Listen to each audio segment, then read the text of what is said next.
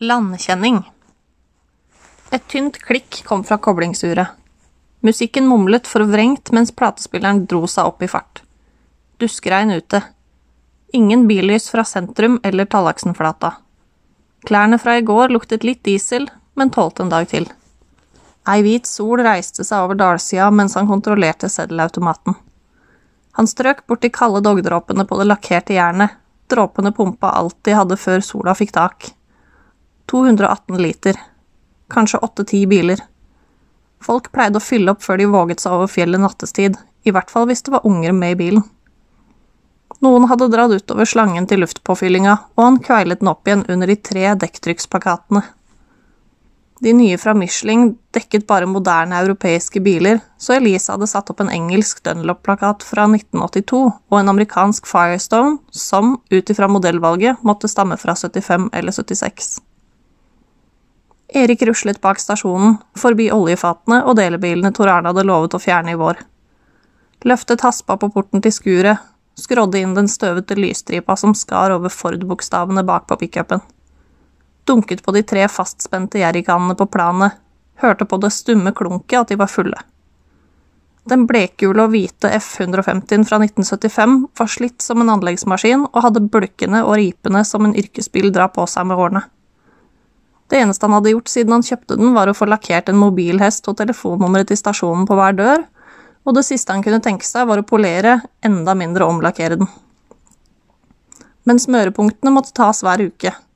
Han grep fettpressa, og snart så han det blinke i ferskt fett fra vinsjekjettingen, julenavene og bladfjærene. I hjørnet av skuret sto Hydro Texaco-skiltene. Han hadde vent seg til å se dem slik, opp ned, med brunt støv over beskyttelsesfolien. De kom den høsten Hydro Texaco overtok mobilkjeden, men fordi han eide stasjonen selv, hadde han kunnet overhøre maset om å skifte ut mobilhesten når regionsjefen var innom på pliktbesøkene sine. Åtteren la seg på motorfesten og vred F-150 litt mot høyre mens den startet. Radiatorvifta blåste høyt og ullent noen sekunder, dempet seg så vislingen fra forgasseren sto igjen over bulderet. Han likte eksoslukta fra denne motoren, særlig på sjåk. Litt uforbrent bensin, en anelse mineralsk motorolje i de feite avgassene. Kiosken til Erna var mørk. Bare soloskiltet over inngangsdøra skinte. Lysene i vinduene på manufakturen sto på. Erik la F-150 i tredje og begynte på stigningen mot fjellet. Tre kvarter senere var han nede i bygda igjen og parkerte under mobilskiltet for å vise folk at han var på plass.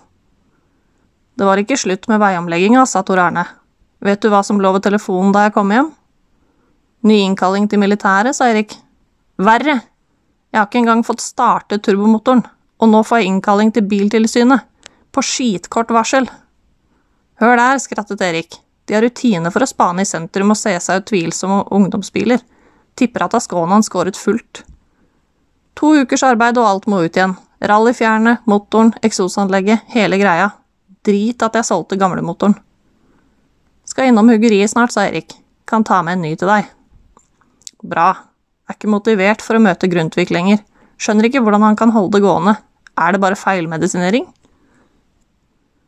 Ikke bare, sa Erik. Pratet med Terje Gunstad. Han var oppom huggeriet for å se etter forskjerm til Taunusen sin. Grundtvig hadde visst pratet i to timer om at Gokstadskipet brukte et nokså avansert magnetisk peilesystem. Gammelt repertoar, sa Erik. Du skulle hørt det han har fått for seg om Mjøsørreten. Det vil jeg ikke vite noe om. Hør, Ringlund kommer innom ved titida for å skifte olje. Trenger filter. Granadaen hans, sa Erik. Ja, Erik låste opp kottet på verkstedet, strøk fingrene over filtrene fra 50- og 60-tallet med gammel logo og gammel pris.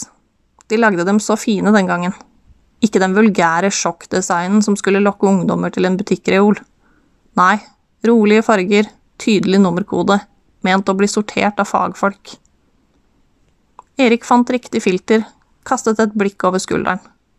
Det var ganske nytt, men for sikkerhets skyld åpnet han kartongen og sjekket innsida av lokket. Bare grå papp. Ingen spor etter Elise. Til salgs. Jeg er lei av at du holder oljefiltrene nedlåst, sa Tor Arne da Erik kom ut i ekspedisjonen igjen. Hvordan skal jeg få gjort en ordentlig jobb hvis du gjemmer noe så basic? De er gamle og sjeldne, sa Erik. Tull, dette er jo nytt, sa Tor Arne. Har du hentet posten, sa Erik. Tor Arne nikket mot brevbunken på kontoret. Mellom regningene lå et postkort. Innkalling fra Martin Lyng. I morgen klokka tre. Typisk. Erik hadde nevnt den vonde jekselen hver gang Lyng tanket Mercedesen sin uten å få gehør.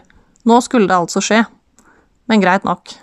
Lyng visste sikkert noe om Nyveien, for ingenting slo tannlegekontoret som ryktesentral. Erik tok fram veikartet, satte fingeren på E6 og strøk den nordover fra Lillehammer. Midtveis i dalen tok han av fra E6 og opp rv. 220. Halvannen mil med umerkede avkjøringer, tett granskog og elgskilt. Fingeren hans fulgte tatersvingene, gikk over Tallaksenflata og stoppet ved Annor. Nordafor var det ingenting, bare fjellovergangen, to værharde mil på lappete oljegrus som endte på Østerdalssida. Plasseringen han hadde nå, 700 meter sør for sentrum, var perfekt. Lang nok rettstrekning til at selv de tregeste både sørfra og nordfra fikk bestemt seg for å fylle, og at veistykket manglet gatelys var bare bra, for det gjorde stasjonen mer synlig.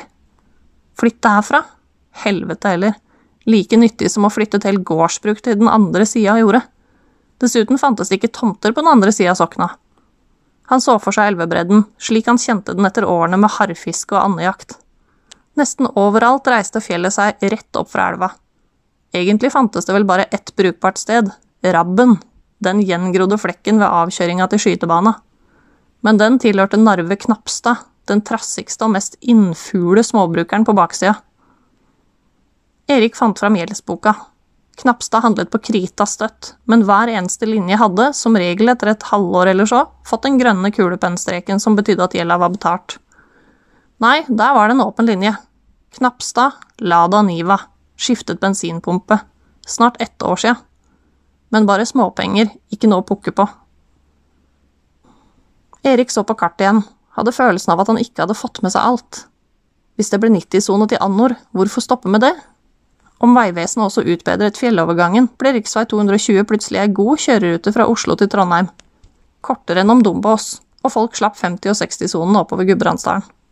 Gjennomgangstrafikken i Annor ville tidobles. Nei, 40-dobles. Han måtte ha tankbilen hit hver dag. Men å få ha det i fred? Aldri. Snart ville spanere fra Statoil, Esso og Shell tråkke langs Sokna i vadebukse, lete etter tomt og skru prisene i været. Jeg må få ordnet meg her og nå, tenkte Erik og grep telefonen. Hydro Texaco? Si bedriftskunde hvis du er bedriftskunde. Si privatkunde hvis du er privatkunde. Bedriftskunde talestyrte sentralbordet forsto ikke dialekten hans. Bedriftskunde, knotet Erik. Hydro Texaco, vær så god, sa en damestemme. Jeg lurte på om du kunne sette meg over til Høyvik. De mener Høvik, sa sentralbordet. Bengt Høvik, regionsjef for Oppland? Ja, sa Erik. Fyksen, å ja, sa Høvik. Selger du bra om dagen? Erik lirte av seg noen selvfølgeligheter før han slapp nyheten. Det var da for galt, sa Høvik, men Erik hørte at han ikke var interessert. Noen papirer blafret på en pult i Oslo. Vel, sa Høvik, du får ikke fisk hvis elva er tørr. Det er bare å rigge ny stasjon. Forresten, du fiksen? Ja?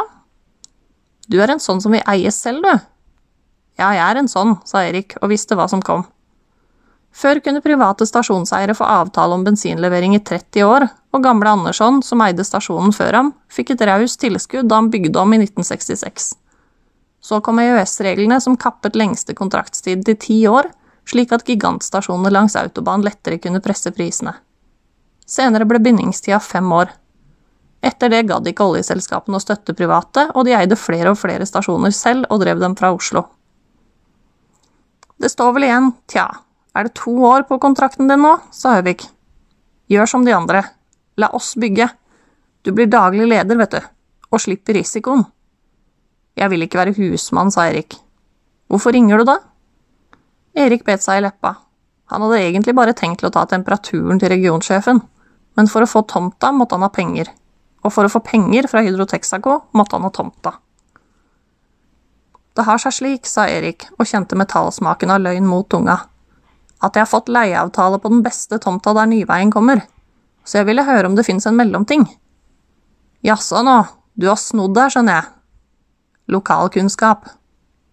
Sikkert, men hvorfor skulle vi være interessert? Det flyter ikke så mye bensin fra pumpene dine. Det er ventet utbygging av 90-sone over fjellet, sa Erik, litt forundret over hvor lett bløffen fløt. Da vil den raskeste veien fra Oslo til Trondheim gå via Annor. Gjenta det der, sa Høvik. Sakte. Bare de som har noe å utrette på Dombås vil kjøre E6, sa Erik. Det var jo drepende, sa Høvik etter en stund. Men jeg får det ikke til å henge på greip. Ny 90-sone ville agentene våre i Vegvesenet tipset om for lenge siden. Tror nok ikke det, sa Erik.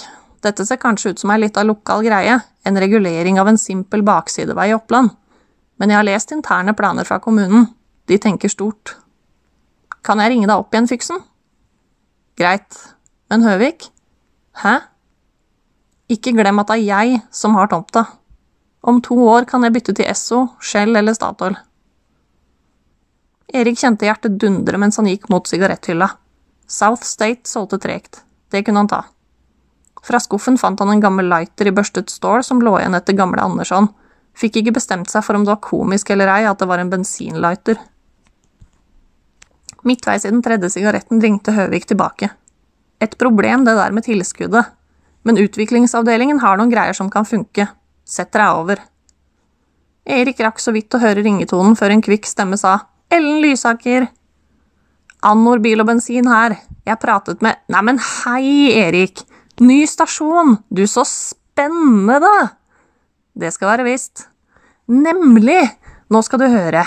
Jeg er prosjektleder for det nye stasjonskonseptet vårt. Kommer til å passe kjempefint opp hos deg. Jeg er bare så keen på å prøve det. Egentlig ikke klart før utpå vinteren. Men vi har snart ferdig en intern prototype. Kanskje innen et par uker. Erik så Snortlund komme inn i ekspedisjonen. Som vanlig i blankslitt svartlevis, hvite joggesko og den korte, mørkebrune skinnjakka som hadde mistet fasongen. Tor Arne hang over disken, uten å vøre at Snortlund begynte å gratislese bilannonsene. Nytt konsept, nølte Erik, og satte en kilosboks glassfibersparkel over koppen sin. Kaffelukta måtte ikke sive ut i Snortlund, for Erik hadde lært seg at folk med god tid likte å bruke den hos folk med lite tid. Det blir kjempefint, fortsatte Ellen. Sterk på drop-in, vi jobber tungt mot kundeopplevelse, følelsen av en positiv livsarena. Helst skulle vi eid tomten, det er klart, men jeg tenker stedet ditt som prøvestasjon før vi kjører full go live. Vi er innmari på, bare så det er sagt. Ja visst, sa Erik. Altså, jeg ringer deg snart. Du kommer til Oslo på demo. Så jobber vi frem et strategidokument og tar det derfra. Er du komfortabel med det? Hvor mye tilskudd kan det være tale om, sa Erik. Viktig at vi er proaktive. Du og jeg må jobbe raskt og tett mot hverandre. For det blir garantert konkurranse, du vet, Statoil er svære oppe hos deg. Men det tenner bare konkurranseinstinkt i meg. Så tilskuddet, det blir et regnestykke, vi får se. Men du er jo allerede tomten, så det haster vel ikke med penger? En BMW 520i, leste Snortlund. Nei, gått for langt og altfor dyr. Mercedes 32 CE, tja, jævla fin bil. Kanskje. Skulle vært 280, men de er ofte hardt kjørt. Oi, her er det en 500 SCC. E6-trafikk og mannord, tenkte Erik. Det ville bety ganske andre kunder enn Snortlund, som var andregenerasjons uføretrygdet og bodde hos foreldrene i et hus sosialen hadde overtatt lånet på. Som vanlig leste han høyt fra andre merker, før han gikk tilbake til BMW og begynte å prate med en 528i som han endte med å ekskludere fordi den ikke hadde automat. Så lette han uten resultat etter en seksserie og utbrøt Oi, hør her! Dette, dette er bra! Hører du, Erik? BMW 735i, kun 76 000 km, ambassadekjørt av sjåfør, sort, kun seriøse henvendelser. Tenk på det, sa Snortlund og hektet fram Men Only fra den øverste hylla. Det var det vanlige refrenget. Etter at Snortlund solgte konsulen og ble mellom biler, var han innom hver dag, kom med bombastiske og kverulerende lovprisninger av BMW 7-serie og Mercedes S-klasse, men viste også at han hadde en åre for Opel Commodore og andre høyspesifiserte sedaner med dypt velurinteriør. Erik rettet på pyramiden med STP-bokser. Han likte at oljetilsetningen fra Scientifically Treated Petroleum hadde beholdt logoen fra 1954, og best av alt var at pyramiden fikk stå i fred fordi ingen kjøpte STP lenger. Han så et rødt glimt fyke nedover riksveien. Pontiacen. Vanligvis fikk synet av gamlebilen det bare til å knirke kjellerdøra hans, men nå slo den seg opp på vidt gap, og denne gangen kjente han også et kort blaff av noe annet, noe verre en fornemmelse av at en ny stasjon kanskje ville kvele minnene som hadde begynt å gnage henne i går kveld. Det var snart seks år siden nå. Han hadde parkert Pontiacen utenfor og smekket igjen bagasjelokket, kjent tyngden av de to tiliterspannene med oljemaling, hørt knallene fra en spikerpistol i gangen, snust inn lukta av ferskt furupanel i ekspedisjonen, lukta av ny eier på Annor bil og bensin. Er det deg, Erik? Vær du sikker, Kom, jeg har funnet noe. Kontoret hadde plast på gulvet og maskeringsteip rundt vinduene. I varmen mellom tre støvete halogenlys sto Elise Misvær med en malerkost. Brun i ansiktet, den vesle antydningen til oppstoppernese som gjorde at hun alltid så ut til å være i godt humør. Like fin selv i arbeidsklær, med det glatte, korngule håret mot kjakene. Elise heiste seg opp på tærne, kysset ham fort og tok fram et håndkolorert fotografi. 1966 sto skrevet i hjørnet.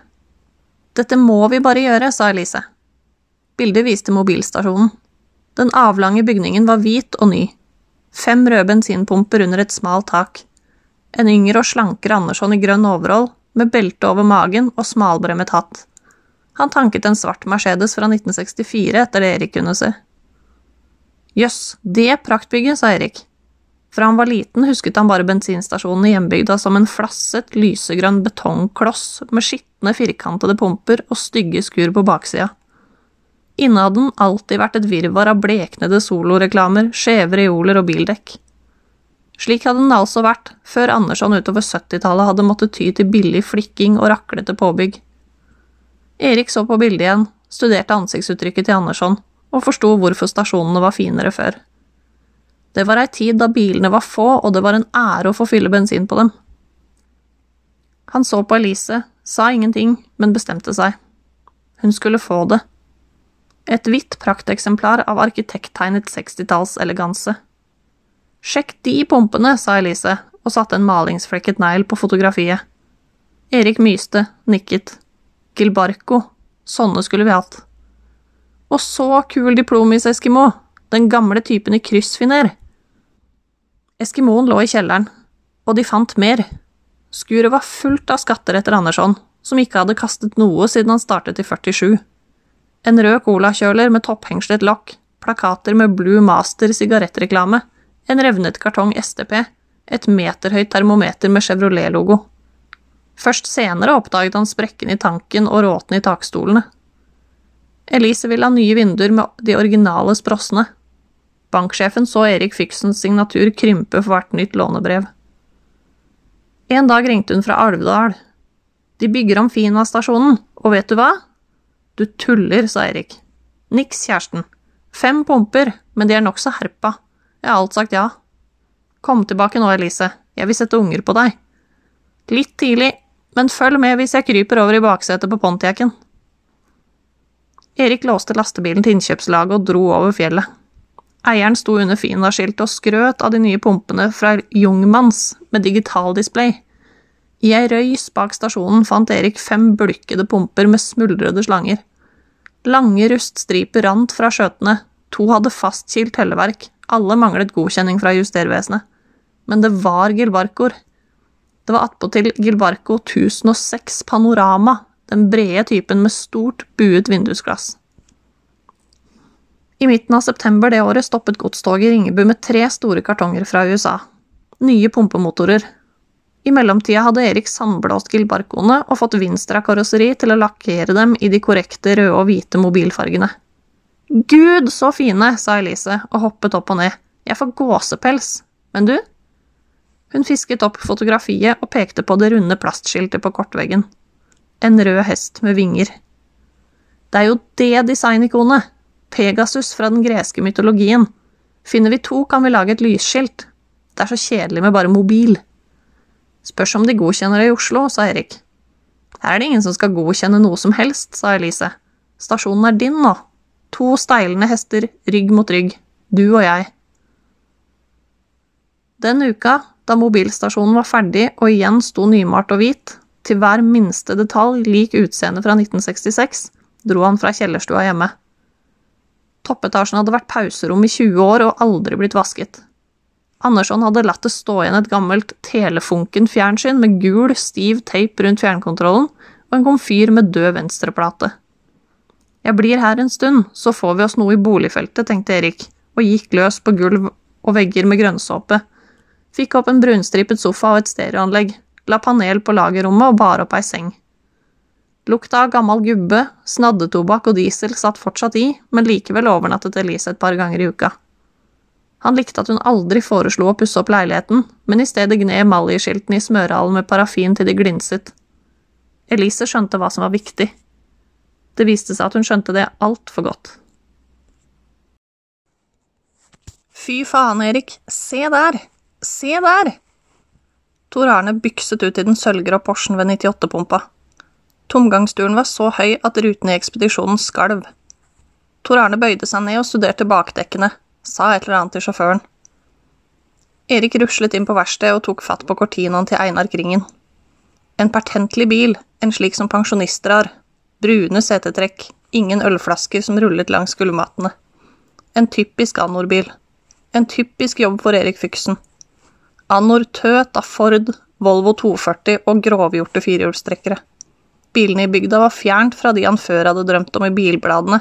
Aston Martin, Maserati og framfor alt Fasel Vega, de franske superbilene som bare rakk å bli laget i 2700 eksemplarer før fabrikken gikk konk i 64.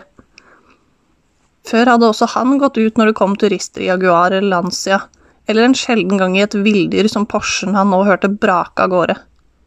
Nå sto han her med en Cortina. Men det var greit.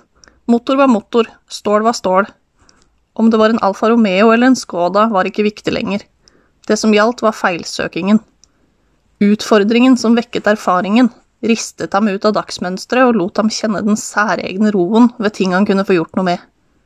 Lese verkstedhåndboka, fjerne oljeklin med høytrykk, børste delene med parafin så konstruksjonen kunne snakke til ham på den tålmodige, logiske måten. Demontere, blåse leiet med trykkluft, hente en pappeske fra delelageret, se noe blankt og nytt skinne mot grånet støpejern, se noe ødelagt fungere igjen. Cortinaen var engelsk, altså måtte han ha tommeverktøy. Han tok opp en svart lærull fra metallskuffen og foldet den utover verkstedbenken. 18 ringnøkler skimret i en matt diagonal under en søtlig eim av maskinolje. De hadde fått patina med årene, blanke og matte på samme tid, slik verktøystål blir når arbeidshender masserer det med motorolje hver dag. Han tok ut dimensjonene han behøvde, veide dem i hånda. De hadde en egen balanse, som forseggjorte, håndsmidde jaktkniver. En time senere hadde han vært hele runden, kjent etter slark i forstillinga, skiftet et mellomakselkryss og strammet et hjullager. Kullstiften i fordelerlokket var nedslitt. Litt til, og strømmen fra coilen ville ikke nå tennpluggene. Engelsk cortina, altså var fordeleren en standard Lucas 45 D4. Han kjente faresignalet da han sto ved reolen med tenningsdeler. Dette kunne ikke være riktig. Lokket skulle stå mellom 25 D6 og 59 D4, og de hadde i hvert fall ett igjen.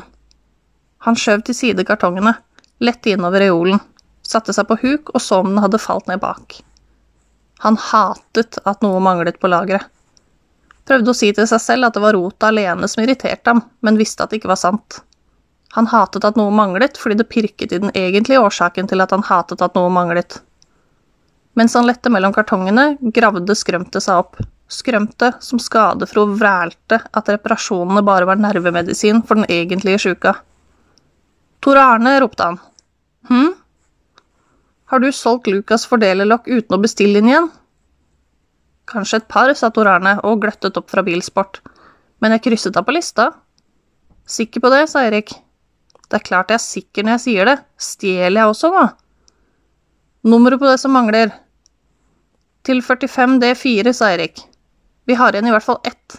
Med mindre noen har nasket igjen. Typisk Ford-eiere. Hvor ble du av da Porschen kom? Var opptatt, sa Erik. Om du bare hadde hatt en skikkelig bil å skru på, ville du ikke blitt så sur, sa Tor Arne. Ikke pirk i det, tenkte Erik. Du vet ikke hvorfor jeg solgte Pontiacen. Han sluttet å lete, tvang tankene over i kjent terreng, til jernet, til mekanikken. Altså, Einar Kringen skulle på langtur i en Cortina, og det var klin umulig å få tak i et nytt fordelerlokk tidsnok. Med mindre han sendte Tor Arne til Vinstra, der de antagelig ikke hadde, og så ble det Lillehammer, og da var det for sent. Ja vel, tenkte Erik, så får vi gjøre det på den måten igjen. En time etter så han en blå Land Rover utenfor. Carl Frøystad, bygdas gamle sløydlærer, fylte bensin. Lar du meg ta en kikk på motoren, sa Erik, mens Frøystad famlet i hanskerommet etter lommeboka si. Den går ikke helt rent. Har ikke merket noe, sa Frøystad. Typisk, sa Erik. Kommer gradvis, og du venner deg til det. Erik åpnet panseret. Overgangstabellen i hukommelsen hans hadde hatt rett. Land Roveren var en 85-modell, men hadde samme fordelerlokk som Cortinaen fra 1970. Typisk engelsk nøysomhet. Han holdt lokket mot sola. Ingen sprekker. Kullstiften var som ny. Erik gikk inn på verkstedet, satte Frøystads lokk i Cortinaen og ruslet tilbake med det som var utslitt. Helt som jeg trodde, sa han til Frøystad. En ørliten sprekk. Tomt på lageret, men jeg får nye i overmorgen. Kom tilbake da. Det koster bare en bagatell. Du passer på oss, du, Fyksen, sa Frøystad blidt. Det skal du jaggu ha. Erik gikk inn på kontoret, dro fram bestillingslista og kompletterte delelageret. Jeg mener nå det er tjuveri, ropte Tor Arne fra ekspedisjonen. Også han ga meg S i sløyd på ungdomsskolen. Ta det med ro, Frøystad kjører bare rundt i sentrum, sa Erik. Du kan ikke drive på sånn, bytte deler etter eget hode, bestemme hvem som har best bruk for hva. Leverte du for eksempel noen gang tilbake den felgen du tok fra Kjetil Hagen? Han fikk jo en ny på det ene vinterhjulet, sa Erik. Tor Arne pleide å sutre slik. Men Erik visste at han kom til å følge oppskriften. Når Frøystad kom tilbake, fikk han et nytt fordelerlokk, og det han betalte, trakk de fra neste gang han skiftet olje. Hemmeligheten bak mobilstasjonens legendariske delelager hadde aldri lekket ut. Heldigvis hadde den ikke det, tenkte Erik. En bulket Volvo 265 herregårdsvogn parkerte utenfor. Erik behøvde ikke se på klokka. Tofthagen, minkfarmeren, var fast hver dag klokka tolv. Kom som vanlig i strikket jakke, slagstøvler og vadmelsbukse, men for en gangs skyld skulle han kjøpe noe.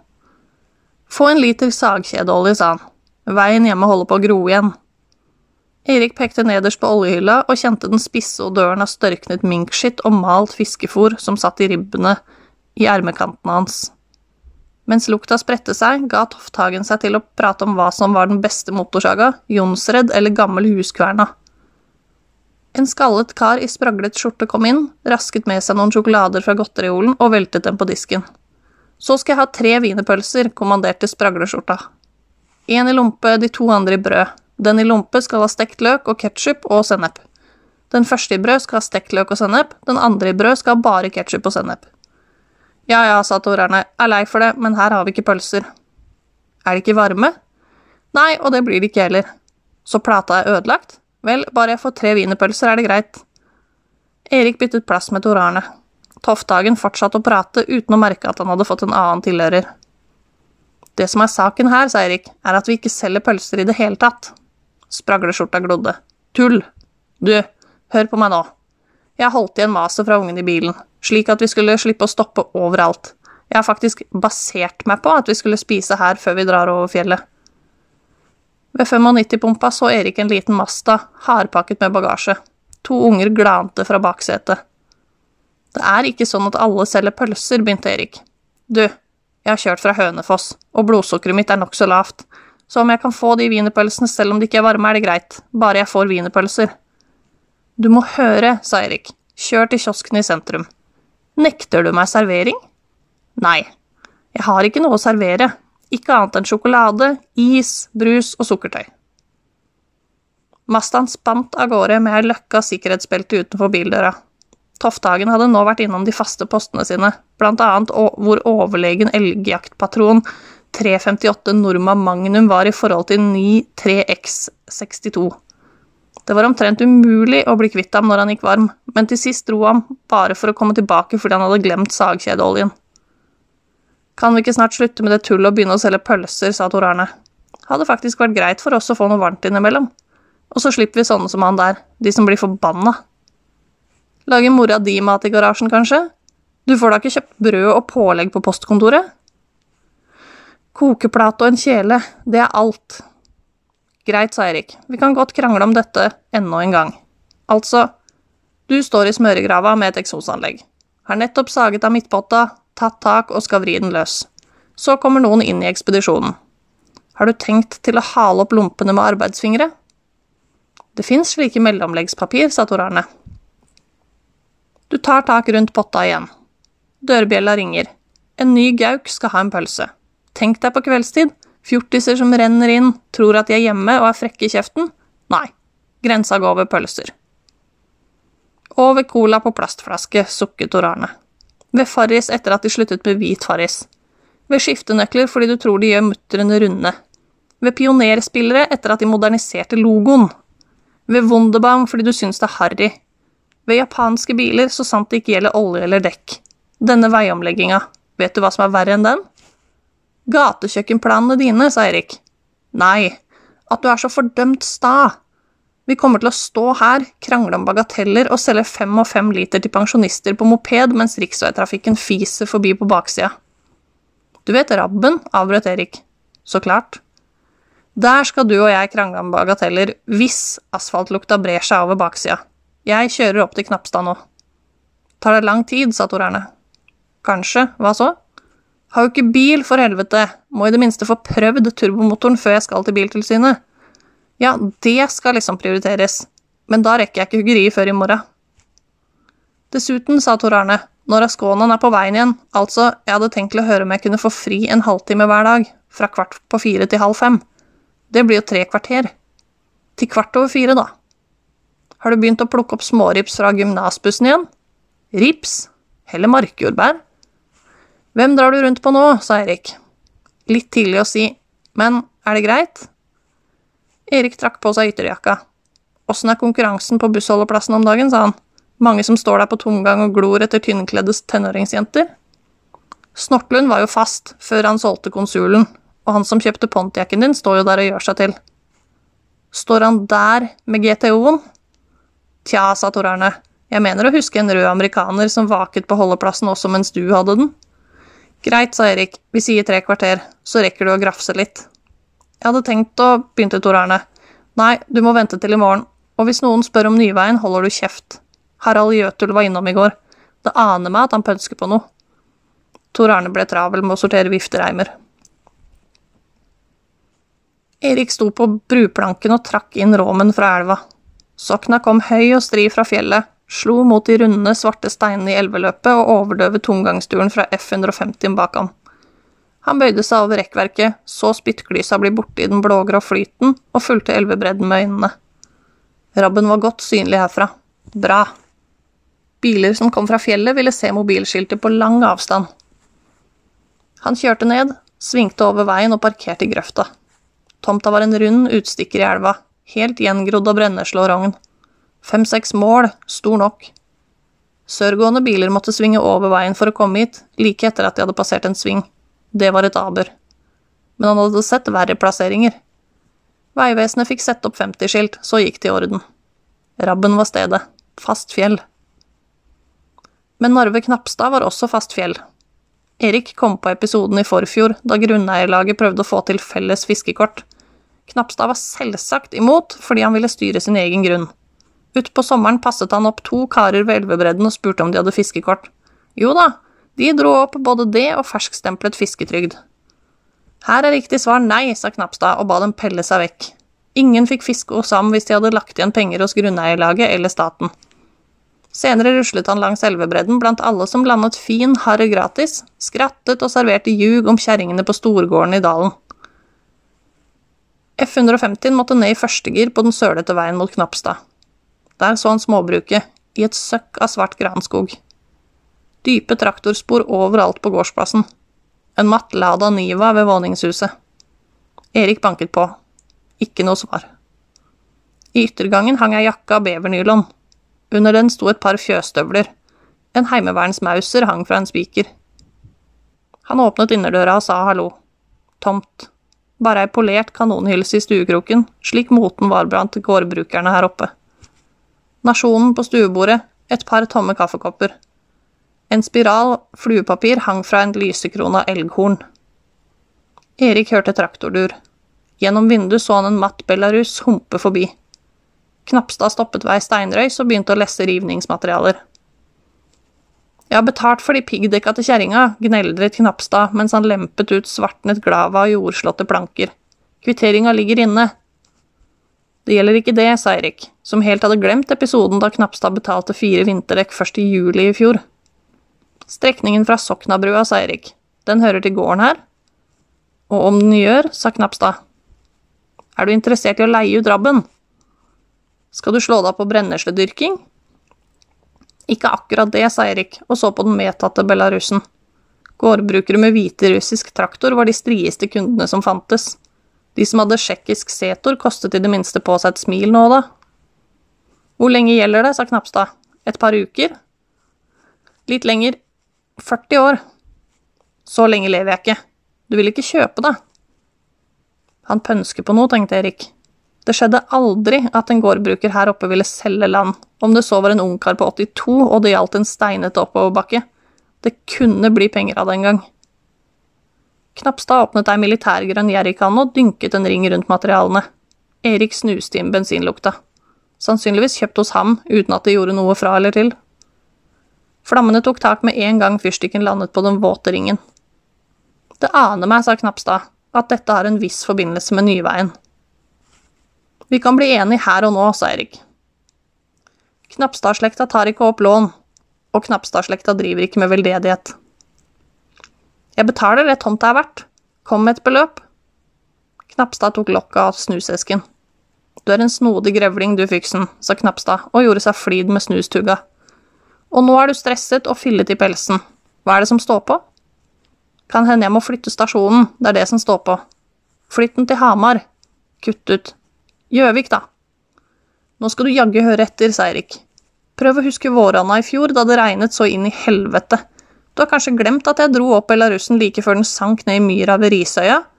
Glemt den gangen jeg sto opp midt på natta og lånte deg sveiseapparatet mitt? Faen, Knapstad, fortell meg heller når du sist var ute på rabben. Det sveiseapparatet var altfor veikt, kunne like gjerne ha lånt naboen sitt. Se til å våkne, hvorfor skal du plutselig begynne å trasse meg? Knapstad sparket en planke på bålet. Reven har det travelt når han er på rov. Folk har advart meg mot deg, Fyksen, så du får ikke lurt meg til å kjøpslå og nå skal jeg ha en prat med mine rådgivere.